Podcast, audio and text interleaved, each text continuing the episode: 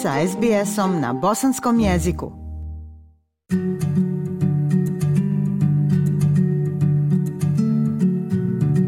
Slušate program SBS radija na bosanskom jeziku. Sindrom izgaranja na radnom mjestu postaje sve češća pojava još od izbijanja pandemije COVID-19. Novo istraživanje pokazalo je da Australija ima sve više stope stresa na radnom mjestu u poređenju sa svjetskim prosjecima, a rezultati pokazuju alarmantno nezadovoljstvo podrškom na radnom mjestu. Prilog Katrione Stira i Pite Doherty.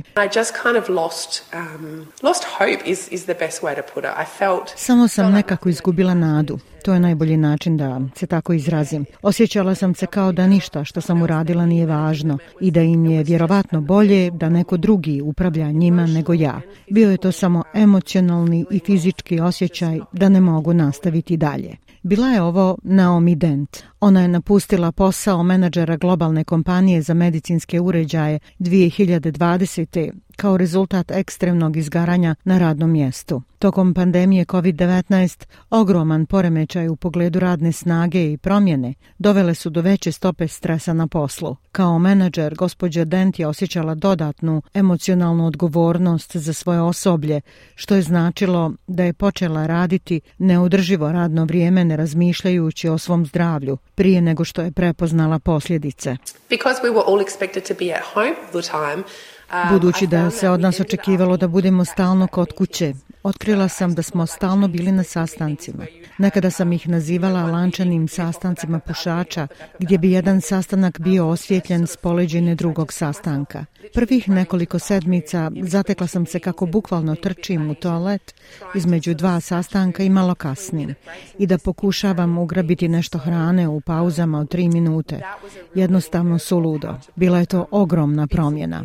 Nažalost, sindrom izgaranja je sve češće iskustvo na radnim mjestima u Australiji. 62% australskih radnika izjavilo je da se osjećaju da izgaraju u poređenju sa globalnim prosjekom od 48%. Taj broj se povećao na 66% za australske menadžere u poređenju sa 53% na globalnom nivou. Australsko vijeće sindikata je najveće tijelo koje predstavlja radnike u Australiji i svake godine provodi studiju o stavovima radnika širom zemlje. Generalni sekretar vijeća sindikata Liam O'Brien kaže da rezultati pokazuju da je loše mentalno zdravlje jedan od najvećih problema s kojima se suočava sigurnost na radnom mjestu. What we're seeing a result of the pandemic and chronic shortages in terms of workforces in areas like health, education, but also retail is that Ono što vidimo kao rezultat pandemije i hroničnog nedostatka radne snage u oblastima kao što su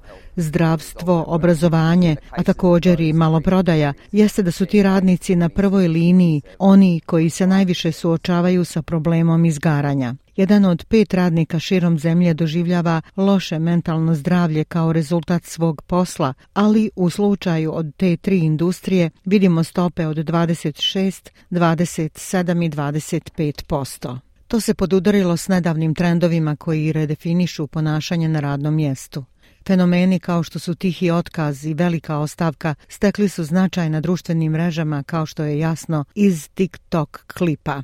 I recently learned about this term called quiet quitting, where you're not outright quitting your job, but you're quitting the idea of going above and beyond. Nedavno sam saznao za ovaj termin koji se zove tihi otkaz, gdje ne napuštate potpuno svoj posao, već napuštate ideju da idete iznad i dalje. I dalje obavljate svoje dužnosti, ali više niste posvećeni ideji da posao mora biti vaš život. Realnost je da to nije slučaj i da vaša vrijednost kao osobe nije definisana vašim poslom. Možda se ovaj fenomen može objasniti značajnim nezadovoljstvo kulturom na radnom mjestu.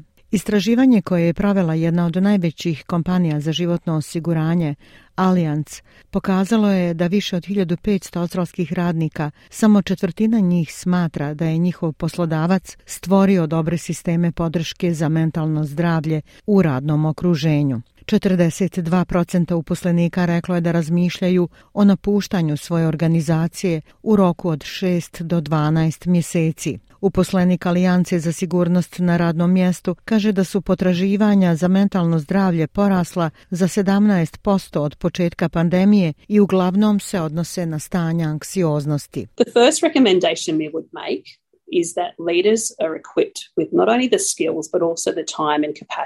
Prva preporuka koju bismo dali je da lideri budu opremljeni ne samo vještinama, već i vremenom i kapacitetom za zaista smislene razgovore. Naše istraživanje je pokazalo da su se pogledi uposlenika na ono što traže na poslu zaista promijenili tokom pandemije i važno je da se lideri oslone na to i razgovaraju sa svojim uposlenicima da li trenutno razmišljaju da napuste posao, kako se snalaze u u svom poslu i tako dalje. Prema profesoru Mark Henry Jenneru, profesoru Univerziteta Novi Južni Vels, postoje radnici koji pate od teškog sindroma izgaranja na poslu zbog promjenjivih uvjeta rada, kao i drugi radnici koji prekoračuju svoje radno opterećenje zbog mogućnosti nagrade ali on kaže da sada postoji neizvjesnost da li će nagrada odgovarati trudu. In many organizations and in many office worker locations,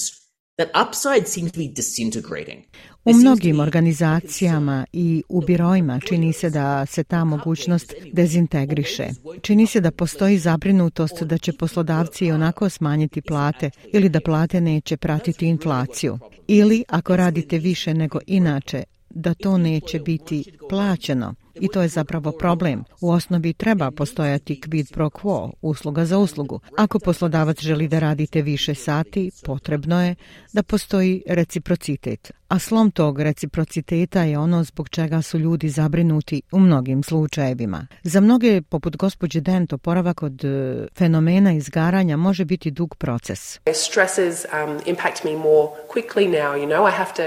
Stres sada brže utiče na mene, moram mnogo više voditi računa o sebi. Radim na tome da se vratim u tu situaciju sa punim radnim vremenom, ali sam zaista svjesna da trebam vrijeme za oporavak, da mogu vidjeti znakove, da to stavim na svoje mjesto sve te vrste procesa samopomoći. Postoji hitna potreba za podizanjem svijesti, kaže gospođa Dent, koja sada radi pola radnog vremena kao pružatelj usluga za obuku o dobrobiti zaposlenih.